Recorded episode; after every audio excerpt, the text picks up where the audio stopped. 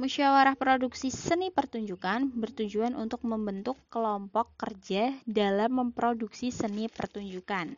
Dalam musyawarah inilah akan menentukan panitia kelompok kerja dari bagian produksi dan bagian artistik.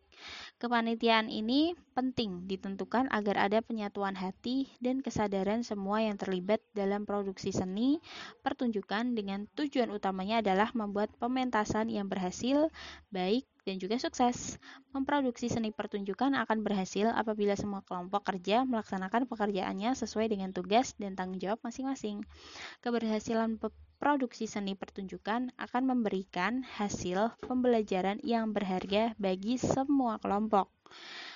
Baik penonton yang akan menikmati proses produksi tersebut akan diberikan pelajaran berharga dari pesan-pesan yang telah ditampilkan oleh pemain-pemain daripada seni teater tersebut.